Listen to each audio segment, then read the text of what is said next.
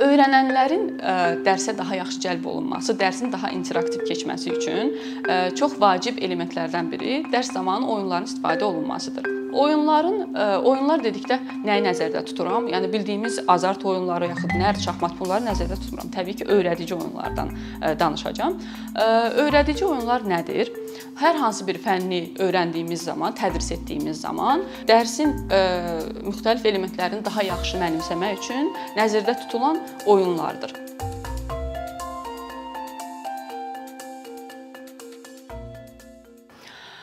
Oyunların bir çox əhəmiyyəti var.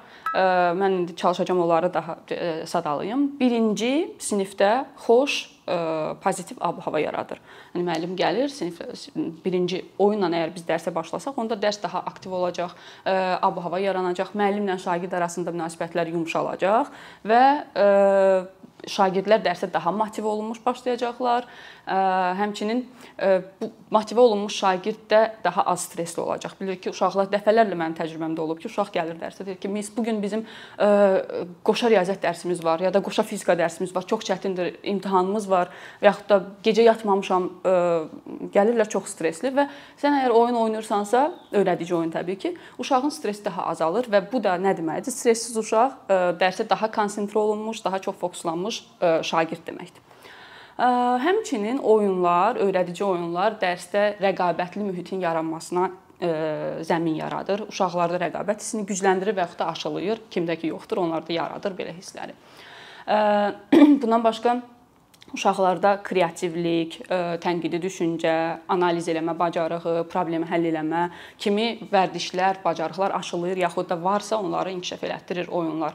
Mən xarici dil müəllimi olduğuma görə xarici dildə olan əhəmiyyətindən də həm də danışım. Xarici dildə oyunların əhəmiyyəti nədir? Lüğət bazamızı uşaqların, şagirdlərin lüğət bazasını inkişaf elətdirməyə çox kömək eləyir. Həmçinin danışıq qabiliyyətimizi biz deyirik ona ingiliscə speaking, yəni danışığı inkişaf etdirir, uşağın özünü ifadə eləməsinə çox yardımcı olur. Çünki oyunlar oynadıqda uşaqlar daha açıq olurlar, daha sərbəst olurlar fikirlərini ifadə eləmək, eləmək həm də oynayaraq ifadə eləmək üçün elədikləri üçün danışıq daha sərbəst alınır.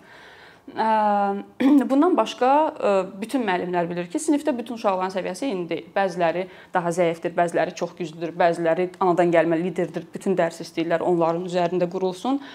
Digərləri isə daha utancaq, daha özünə qapanıq və bu dərsdə və bu şagirdləri özünə qapanıq, utancaq şagirdlərin də qabiliyyətlərini üzə çıxarmaqda oyunların çox böyük əhəmiyyəti var. Məsələn, belə bir oyun var. Lövhədə müəllim yazır hansı xarici dildə keçiriksə o o ə, dildə keçdiyimiz tutaq ki, heyvanların adlarını lövhəni 12, 15 və s. yerə bölürük və ə, kartoçkalarda isə o, o heyvanların ə, tutaq ki, Azərbaycan dilində və yaxud da ingilis dilində, ana dili hansı dildirsə o dildə adlarını yazırıq. Sinifi bölürük 2 komandaya və ə, müəllim kartı ə, çıxardan kimi lövhədə olan hər hər komandadan bir uşaq lövhənin kənarında dayanır, əllərinə xəttkeş yaxud da qələm verə bilərik və ə, müəllim sözü çıxardır, mən çıxardıram. Tutaq ki, pişik Uşaqlardan kim tez həmin sözü lövhədə göstərsə, o, o komandaya bir xal yazır və beləcə davam eləyirik və ə, axırda kimdə daha çox xal varsa o qalib olur. Bu oyuna indi diqqət eləyək. Oyunda dəfələrlə olub ki, sinifdə passiv olan və yaxud da utancaq olan uşaqlar çıxıblar, ə, lövhədə dayanıblar və həmişə aktiv olan uşaqdan daha tez xəttkeşi və yaxud da karandaşı vurub sözü tapıblar. Və bu görün nəyə gətirir çıxarır? Həmin uşaqda özünə inam yaranır. Uşaq deyir ki, "A, deməli mən də nələrsə eləyə bilirəm. Məndə də nəsə var. Yəni həmişə sakit ol, ola, ola bil, yəni olmaya bilərəm." Oyunların digər bir əhəmiyyəti də e, odur ki, uşaqlarda diqqətləri cəlb diqqət uşaqların diqqətini cəlb eləməyə çox kömək olur və bu oyundan da biz görürük. Uşaqlar diqqətlə lövhəyə baxmadılar. Burada vacib olan cəldlik cədlik qədər həm də diqqətdir. Yəni nə qədər diqqətli olsan, oyunu o qədər e, sözü o qədər rahat, daha rahat tapa biləcəksən. Bəs hansı oyun növləri var? Oyunların e, şərti olaraq kart oyunlarına, e, video, kompüter oyunlarına və e, səth lövhə üzərində monopoliya tipli təxminən oyunlara bölürük. Bir də sinifdən kənar oyunları var. Outdoor games deyirlər ona ingiliscə. Deməli, kart oyunlarına biz çəkə bilərik müxtəlif yaddaş oyunları, sonra 7 ailə oyunu, Pictionary, Charades, və s. və axır xeyli oyun var. Pictionary məsələn mən açıqlayım onları, çünki Azərbaycan dilində deyil oyunlar. Ona görə hansısa məsələn kartlardan yenə kartda hansı söz çıxırsa, şagird onun şəklini çəkərək izah eləməlidir və yerdəkilər də onu tapmalıdırlar. Və yaxud da charades nədir? Akt eləyərək, yəni mən hərəkətlərimlə, mimika jestlərlə göstərirəm sözü və digərləri tapmalıdır. Sözü, cümləni və s. baxır. Yəni bu da təbii ki, keçdiyimiz mövzu ilə əlaqəli. Sonra video oyunlar da e, sadaladığım kart oyunların həm də video formatı olur, kompüter formatı olur. Baxır dərsdən asılı olaraq, dərsin gedişatından asılı olaraq biz həm video formatında yaxud da kart şəklində və yaxud da səthi lövhə üzərində oynaya bilərik. Bunlar müxtəlif bingo oyunlarını deyə bilərik. Sonra qaz oyunu var, indi detallara girmirəm və s. Oyunları oynayarkən biz nələrə fikir verməliyik? Əvvəl qısaca öz təcrübəmlə deyim ki, mən təzə oyunlar oynamağa başlayanda, yəni dediyim Amerikan məktəbində oyunlarla tanış oldum və gördüm ki, burada belədir. Yəni oynamaq lazımdır. Həftə sonu xüsusilə uşaqları çox yükləməmək üçün oyunlardan istifadə edirlər və mən də başladım oynamağa. Təcrübəsizəm, universitet təzə bitirmişəm, gəlmişəm. Uşaqlar dedilər ki, müəllimə, bütün müəllimlər oyun oynayır. Biz falan oyun oynayaq, o oyun oynayaq, bu oyun oynayaq. Mən də təzə gəlmişəm, istəyirəm ki, özümü yaxşı göstərim. İstəmirəm ki, gələn kimi şagirdlər mənə nifrət eləsinlər. Özümü qəbul etdirməliyəm. Uşaqların manipulyasiyasına belə uyuram tam. Manipulyasiya eləyirlər məni əməlli başlı. Hə, oynayırıq və nəticə nə baş verir? Vaxtı idarə edə bilmirəm, dərs bitir, mən hələ heç nə eləməmişəm, oyun oynayırıq, sinifi e, idarə edə bilmirəm, o orada qışqırır, bu burada qışqırır. Hə, dedim, yox. Oturdum, dedim belə olmaz. Belə nəsə eləməliyəm ki, mən orta yolu tapım. Həm uşaqlar razı qalsın, həm də mən dərsi keçə bilim. Oturdum, bir bir müddət bütün oyunları götürdüm, evdə oturdum, baxdım hamısının vaxtına. Bu oyunu nə qədər müddətə oynamaq olar, necə eləmək lazımdır. Açdım internetdə, araşdırdım filan və indi sadalayacağım ə, ə, qaydalarla tanış oldum və təcrübəmdə də təsdiqləndi. Deməli, oyunu oynayarkən birinci fikir verməliyik ki, instruksiyanı, yəni oyun qaydalarını uşaqlara düzgün vermək lazımdır və dəqiq tam xırdalıqlarına qədər. Əgər verməsək, oyun ərzində hansısa bir qayda çıxacaq ortalığa və hansısa o dediyim doğuşdan lider uşaqlar o qaydaları özlərinə uyğun fırladacaqlar. Yəni loru dildə desək, yəni özlərinə uyğun istifadə etməyə çalışacaqlar ki, özləri qazansınlar və nəticədə nə baş verir? Müəllimin nüfuzu digər şagirdlər qarşısında itir. Çünki cığallığa gətirib çıxarır bu, bəzilərinin qazanmasına, digərlərinin isə həmişə uduzmasına gətirib çıxarır və müəllim bir rol model olaraq öz əhəmiyyətini itirir. Və dərsdən biz istədiyimiz nəticəni təbii ki, ala bilməyəcəyik, çünki uşaq artıq həvəssizləşəcək. Digər uşaqlarda həvəs öləcək. Bu bir e, instruksiya. İkinci məsələ mütləq nəzərə almaq lazımdır ki, oyunlar dərsin məqsədinə uysun. Yəni bu məqsədinə və ə, e, mövzusuna. Məsələn, bu gün mən tutaq ki, keçirəm ə, e, Fransada yeniyetmələrin problemi, məsələn.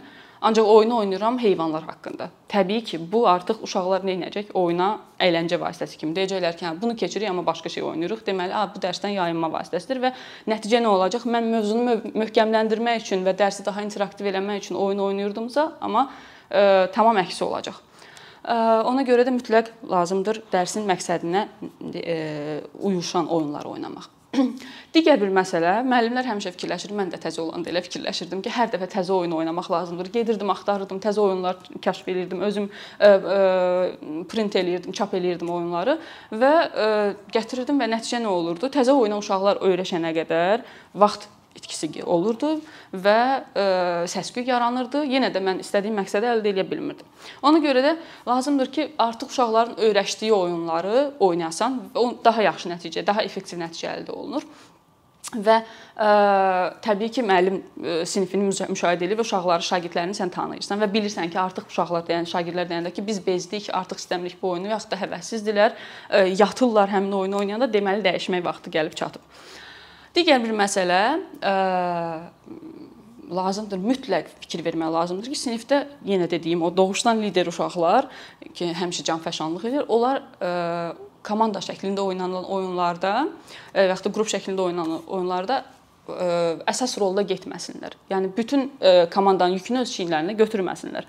Çünki digər uşaqlar yenə onların kölgəsində qalır, digər uşaqlar yenə passiv olurlar.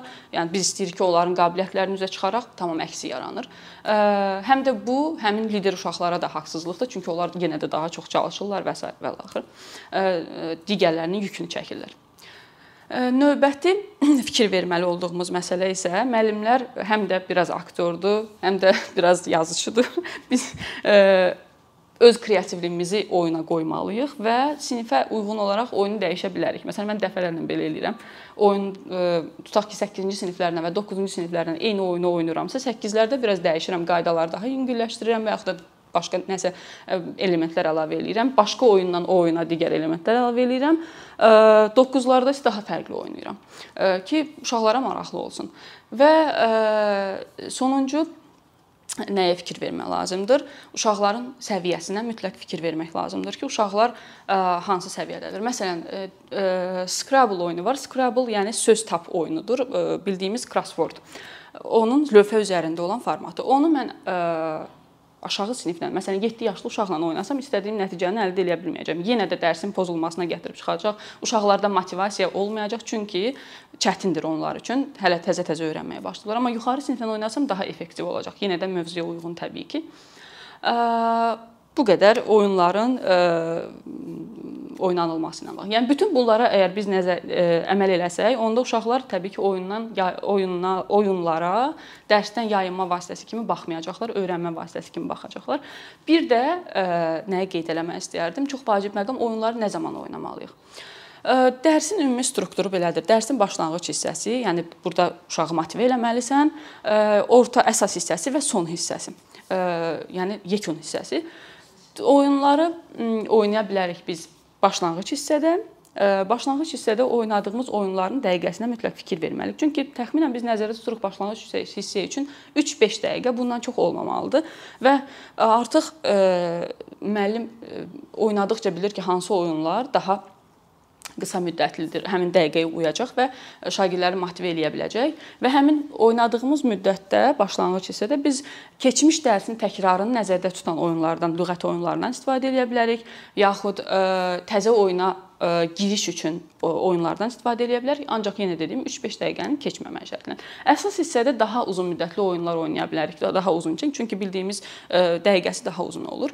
Buna müxtəlif lüğət oyunlarını, məsələn, bayaq dediyim yeniyetmələrin problemini tutaq ki, biz keçmişik keçən dərsdə.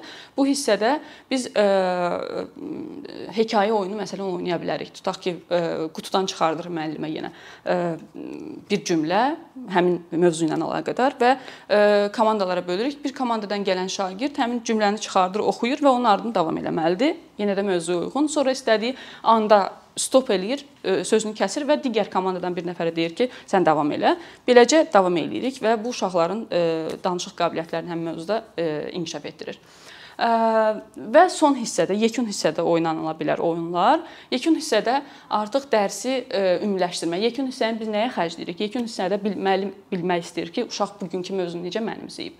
Onu bilmək üçün yenə də ə, xüsusi oyunlar oynaya bilərik. Lüğət oyunu ola bilər, zamanlar üçün müxtəlif oyunlar ola bilər və s. və axır Çin portreti məsələn ə, çox oynayıram mən ə, sonluq, yekun olaraq uşaqlarla. Bir də ki, dərs ə, oyunları oynamaq olar ilk dərs günündə və dərs ilinin və yaxud da dərs rübünün sonunda artıq burada biz bilirik ki, bütün proqramı bitirmişik, təkrar eləmişik. Onda hə, il ərzində keçdiyimiz və yaxud da rüb ərzində keçdiyimiz, ancaq dərs ilinin ilk günündə isə keçən il keçdiklərimizdən çıxış eləyərək ümumi təkrar üçün hansısa oyunlardan istifadə eləyə bilərik. Thank you